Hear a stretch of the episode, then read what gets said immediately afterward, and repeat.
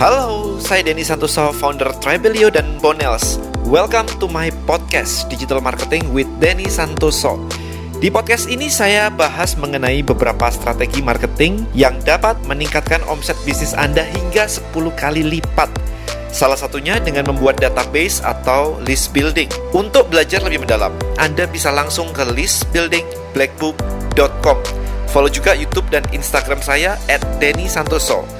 Di sana saya juga berbagi ilmu mengenai digital marketing dan mindset setiap hari. Right, ayo kita mulai. Enjoy the podcast and see you inside. Alright guys, so ini ada sebuah diskusi yang cukup ramai di Instagram saya. Alright, so saya ada yang bertanya di YouTube saya sebenarnya. Maaf Pak, bisa gak ya pedagang kelapa menjadi pebisnis kelapa? That's a simple question sebenarnya. Oke. Okay? Dan saya menjawab, kalau saya bilang bisa, kamu bakal lakuin apa? Dan kalau saya bis, kalau saya bilang kamu nggak bisa, kamu bakal lakuin apa? So that's two question, ya open ended. Banyak yang you know mengecam dan lu ditanya kok balas nanya. Well yes, saya jelasin dulu. Karena ketika saya bertanya, goal saya adalah mengcoach Anda. Goal saya adalah menggali potensi Anda. Oke, okay? jadi saya tidak akan menjawab bisa atau tidak. Ya, jadi kan di sini kalau saya bilang bisa, kamu kamu bakal lakuin apa? Dan kalau saya bilang nggak bisa, kamu bakal lakuin apa? Oke? Okay? Anda perlu membuka mindset untuk mendengarkan sampai selesai. Oke, okay, sekarang gini, ada yang bilang, dan jawab aja langsung kenapa? Kalau dijawab langsung kan ya, kalau kamu nggak jawab kayak begini, apalagi uh, nggak jelas kayak begini kan tidak membantu sama sekali. Oke, okay, interesting interesting. Ada yang mengatakan kayak begini. Dulu gue mulai bisnis sebagai dropship dan pertanyaan yang sering gue tanyakan di awal kepada orang-orang yang setahu gue udah lama di bidang itu. Dropship prospeknya sejauh apa sih? Gue belum paham alurnya dan belum pelajari. Tapi niat belajar udah-udah. Dan jawaban sesimpel bagus lah yang akhirnya bikin gue start belajar di bidang itu lebih dalam. Yang gak tahu sih penanya ini tujuannya kayak nanya, nanya gitu kayak apa. Tapi kalau gue sendiri nanya di atas cuma buat validasi aja Walau hasilnya belum tentu sama, tapi setidaknya gue udah tahu bahwa bisnis ini bakal bagus. Tinggal gue aja bakal sejauh apa effort dan pelajarinya. Which is correct juga, bener juga, gak ada yang salah juga. Nah, sekarang saya pengen jelaskan kepada teman-teman semua di sini. Kalau Anda butuh validasi untuk orang untuk menentukan jalan Anda, saya pernah ngalamin itu di usia 20 sekian, saya lupa tepatnya. Tapi itu kejadian bener-bener saya ngerasa banget di posisi ini. Di mana setiap saya berada di sebuah persimpangan, pertanyaan atau apa pun itu untuk memutuskan apa pun, ah, saya nanya ke orang tua saya, saya nanya ke papa saya, Pak kayak gini, boleh gak sih kayak gini? Boleh gak sih kayak gini? Boleh gak sih kayak gini? Dan di satu titik, saya merasa kenapa semua decision saya, keputusan saya, saya harus bergantung ke papa saya. Why? Ini mengganggu gitu buat saya. Berarti saya nggak bisa make decision dong di sini. Nah, ketika saya muncul pertanyaan itu, saya meng, saya melatih otak saya supaya saya tidak lagi bertanya, tapi saya bercerita ke orang tua saya. Minta izin is oke, okay, bercerita is oke. Okay. Pak, saya mau ngambil ini karena keputusannya kayak begini, A, B, C, D. Oke. Okay. Jadi um, kelihatannya sama di mata orang tua saya sama. Saya bercerita kalau dia kalau orang tua saya bilang nggak boleh, saya nggak lakuin. Kalau bilang oke, okay, it's okay. Tapi di dalam hati saya berbeda.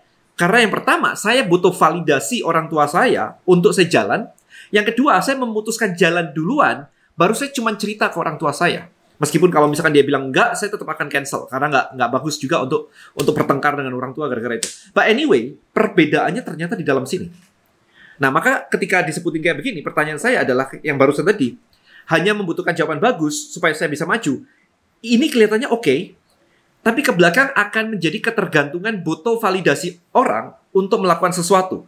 Nah, kasusnya kalau Anda di posisi saya ngebangun Tribelio, di mana banyak orang, bahkan orang tua saya nggak ngerti, istri saya juga nggak ngerti, teman-teman juga nggak ngerti, orang lain nggak ngerti, saya bilang ini bagus nggak prospeknya? Semua bilang nggak nggak jelas, nggak ada hari ini. Oke, okay? nah problemnya begitu. Jadi ketika Anda ngebangun sesuatu yang orang nggak paham, tetapi Anda yakin, tapi Anda butuh validasi, ini jadi jadi jadi berbahaya. Ya, jadi ketidakmampuan untuk membuat keputusan sendiri dan tergantung validasi banyak orang, pedang bermata dua. Sometimes kita butuh. second opinion dari expert. Kalau ke dokter satu dijawab begini, ke dokter kedua dijawab begini, kita butuh second opinion dan sebagainya. Tetapi kalau memutuskan sesuatu yang harusnya Anda bisa melakukan riset, ya itu jadi jadi berbahaya gitu. Nah, oke, okay, kita kembali ke pertanyaan di awal. Oke, okay? yang tadi bisa nggak ya pedagang kelapa jadi pebisnis kelapa? At least dia bagus karena dia tahu bedanya adalah pedagang jadi pebisnis. At least bagus. Nah, kenapa saya bertanya kepada dia dua pertanyaan yang menyimpang kayak begitu? Kalau bisa kamu jawab apa, kalau nggak bisa kamu jawab apa? Tujuan saya adalah coach. Topi yang saya pakai adalah nge-coach. Oke, okay? bukan motivator. Saya tidak berminat jadi motivator. Karena apa? Kalau saya misalkan bilang, oh bisa, bisa, kamu jadi bisa jadi pebisnis. Dan dia tidak bisa, maka saya akan doing you know cuman bullshit doang right? Saya cuman kayak ya dan lu ngomong bisa bisa mah gampang mah. Kenyataannya susah. Ya kan? Jadi kalau saya bilang bisa dan dia tidak bisa this is a problem. Tapi kalau saya jawab tidak bisa kan membunuh membunuh potensi dia. Apa hak saya untuk membunuh potensi dia? Itu juga salah right? Nah pertanyaan kayak begini teman-teman sama. Bro menurut lu gue bisa sukses gak sih Sama, itu banyak banget pertanyaan kayak gitu. Jangan dikira pertanyaan itu sedikit, teman-teman. Pertanyaan kayak gitu yang masuk di DM saya itu banyak banget. Dan kayak gue bisa sukses gak sih? Saya masih usia segini, saya nggak lulus ini, bisa sukses gak sih? Saya umur usia 50, bisa sukses gak sih? Kayak gitu.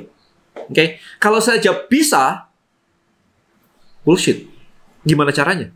Alright. Kalau saya jawab nggak bisa, apa hak saya untuk menutup masa depan dia? Nah, dengan saya bertanya balik, kalau saya bilang bisa, kamu ngapain? Kalau saya bilang nggak bisa, kamu ngapain? Oke, okay. saya pengen tahu. Kalau saya jawab bisa, kamu ngapain? Dan dia menjelaskan, saya akan ngelakuin A, B, C, D, E, F, G. Pertanyaan saya berikutnya adalah, kenapa yang kamu sebutkan A, B, C, D, E, F, G tadi belum kamu lakukan? Nah, ini mulai menggali lebih detail. Karena pertanyaan sukses dan bisa dan tidak itu semuanya ambigu. Dan menariknya adalah ketika Anda baca di Instagram saya, pertanyaan ambigu dibuat lebih detail, orang komplain kenapa di kayak begitu. ya ini banyak orang tidak mampu mendetailkan sebuah pertanyaan. Maka kita kita runut lagi ya. Kalau ada yang bertanya seperti itu, saya akan menjawab yang tadi. Bisa atau uh, kalau saya bilang bisa, kamu bakal ngapain? Saya akan melakukan ABCD. Oke, kalau kamu ngelakuin ABCD, uh, eh, kalau kamu mau melakukan ABCD, kenapa hal ini belum kamu lakukan? Ini mulai menggali resources namanya. Yang tadi menggali, yang tadi baru menggali tuh um, optionnya gitu. Ini mulai menggali resources. Kenapa dia belum belum melakukan? Dia akan mengatakan bahwa saya tidak punya modal, ya. oke. Okay. Saya tidak punya skill, oke. Okay. Saya tidak punya macam-macam A, B, C, D. Siapa tahu ada ada chicken mindset di situ. Saya pengen menggali apakah ada chicken mindset di situ. Kalau dia bilang tidak punya modal, oke okay, good. Modalnya butuh berapa? Pertanyaan saya berikut berikutnya seperti itu. Modal saya butuh satu miliar misalkan. Oke, okay, pertanyaan saya satu miliar buat apa? Most people gak akan jelas di situ. Akan kayak ya buat dagang lah satu miliar. Iya, tapi buat apa? Gak jelas semua. Berhenti di situ. Berarti planningnya nggak detail. Makanya nggak pernah jadi. Apakah pebisnis bisa jadi pedagang? Nggak ada planningnya, nggak bisa lah. Dikasih duit satu, satu miliar terus buat apa? Dia juga nggak tahu buat apa. Lain ceritanya kalau oh buat kulakan segini, buat buka ruko segini, buat karyawan segini, buat marketing segini, hmm, kayaknya cukup deh segini. Nah itu lebih bagus. Maka saya akan menggali. Kalau dia tidak punya skillnya, oke, okay, kamu butuh skill apa? Saya butuh skill sales. Oke, kalau kamu butuh skill skill jualan, skill sales ini ada yang ngajarin di sini. Kalau ada yang misalkan saya butuh skill bisnis, oke, ini ada ada yang ngajarin di sini gitu. Kalau butuh list building mastery, nah ini ada orangnya di sini gitu. You know, jadi clear. Problem dia nggak bisa menjadi pedagang itu apa di kepala dia. Kalau dia tidak memiliki roadmap, jadi tujuan saya bertanya sebenarnya untuk dia mulai muncul roadmap di kepalanya, dung, dung, dung, dung, di kepala dia. Ketika saya tanya, dia kan mulai muncul, dung, dung, dung, dung, dung, dung, gitu. Itu strategi coaching itu seperti itu teman-teman. Jadi dia akan mulai muncul tuh. Begitu muncul akan ketahuan mana yang bolong, mana yang ada gapnya. Nah, dari situ kita tambal. Oke, okay, kurang modal. Oke, okay, good. Ketika dia bisa menjelaskan saya butuh satu miliar untuk bikin kayak gini, potensinya seperti ini, saya bisa kenalin investor. Gak ada masalah, saya bisa kenalin investor. Kemudian kalau butuhnya skill, ini tunjukin ke sini, sini, sini. Tapi kalau saya kok nggak berani ya, kita gali lagi. Nggak beraninya kenapa?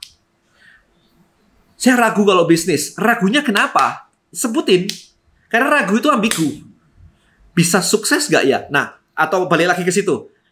Definisiin lagi. Yang disebut dengan sukses itu apa? Jualan saya bisa laku sekian, sekian, sekian. Oke, kalau dia udah mulai ngomong angka nih, jualannya sekian, maka next step-nya adalah kita tanya, marketmu siapa? Kita mulai ngomong ke marketing. Marketnya gede nggak? Cara distribusinya gimana? Bisnis model kanvasnya seperti apa? Bisnis plan-nya seperti apa? Jaringan distribusinya seperti apa? Marketing komunikasinya lewat mana? Channel komunikasinya lewat mana? So, kita akan breakdown detail. Tapi pertanyaan ambigu akan dijawab dengan ambigu. Kalau pertanyaannya lebih clear, maka akan dijawab lebih clear. Kemarin bercandaan, bercandanya gini, nggak ada pertanyaan bodoh. Kalau ada pun saya nggak akan bilang gitu. Saya akan ngomong dalam hati. But anyway, yes. Intinya kayak begitu teman-teman. Jadi sometimes orang tidak biasa di coach. Oke. Okay? Karena coach akan menggali Anda, akan membuat Anda berpikir. Gak ada namanya coach akan memberikan Anda jawabannya. Oke, lakukan ini, ini, ini, ini, ini. Gak akan ada. Saya pengen men-challenge orang-orang yang menjawab. Misalkan gini. Kalau misalkan ada yang nanya gini ya. Um, dan, bisnis dropship bagus gak?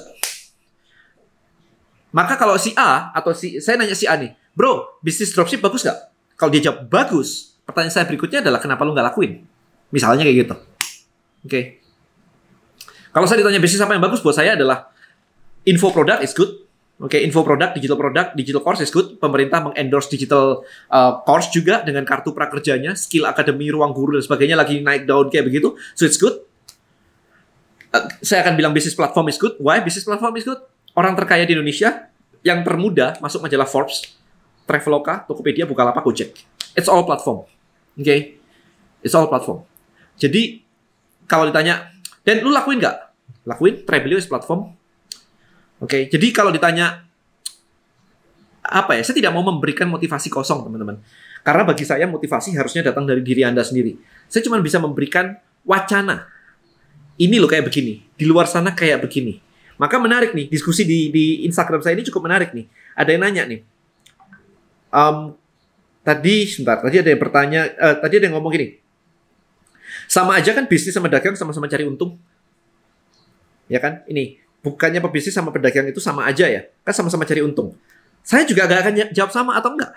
Saya akan memberikan wacana di kepala dia, sehingga otak dia berpikir dengan wacana baru tersebut. Karena otak caranya berpikir ya gitu, ada pat, puzzle pieces puzzle pieces yang kita lempar begitu, dia nangkep gak gitu. Jadi saya bertanya gini, jadi kalau pengemis pinggir jalan itu pebisnis kah? Karena sama-sama cari untung. Terus dia jawab nih, kalau pengemis punya banyak cabang satu Indonesia Raya ya why not? Oke, okay, dia dia mikir scalability nih ceritanya. Oke, okay, good. Okay. Saya menanya berikutnya adalah, nah terus kalau gitu, ngitung nilai perusahaannya gimana? Pengemis tadi. Dia bilang jelas gak punya lah. Gak ada yang mau punya perusahaan seperti itu backgroundnya. Oke, okay, so diskusinya menarik ya. Jadi yang jadi yang pertanyaan pertama adalah pebisnis dan pedagang itu sama ya kan sama-sama cari untung. Saya nggak akan bilang kamu salah kamu benar. No. Karena cara saya bukan seperti itu. Kalau Anda follower saya lama, Anda akan tahu bagaimana cara saya menjawab. Saya akan memberikan puzzle pieces sehingga Anda berpikir dan menemukan jawabannya sendiri akhirnya. Oke. Okay? Saya akhirnya menjawab uh, bagi dia kayak gini. Berarti bukan uh, berbisnis dong kalau kayak begitu tadi. Uh, pengemis tadi. Saya memberikan analogi yang berbeda. Income property ada dua. Ada capital gain, you know, beli properti, tunggu lima tahun, kemudian harganya naik, dijual, that's capital gain.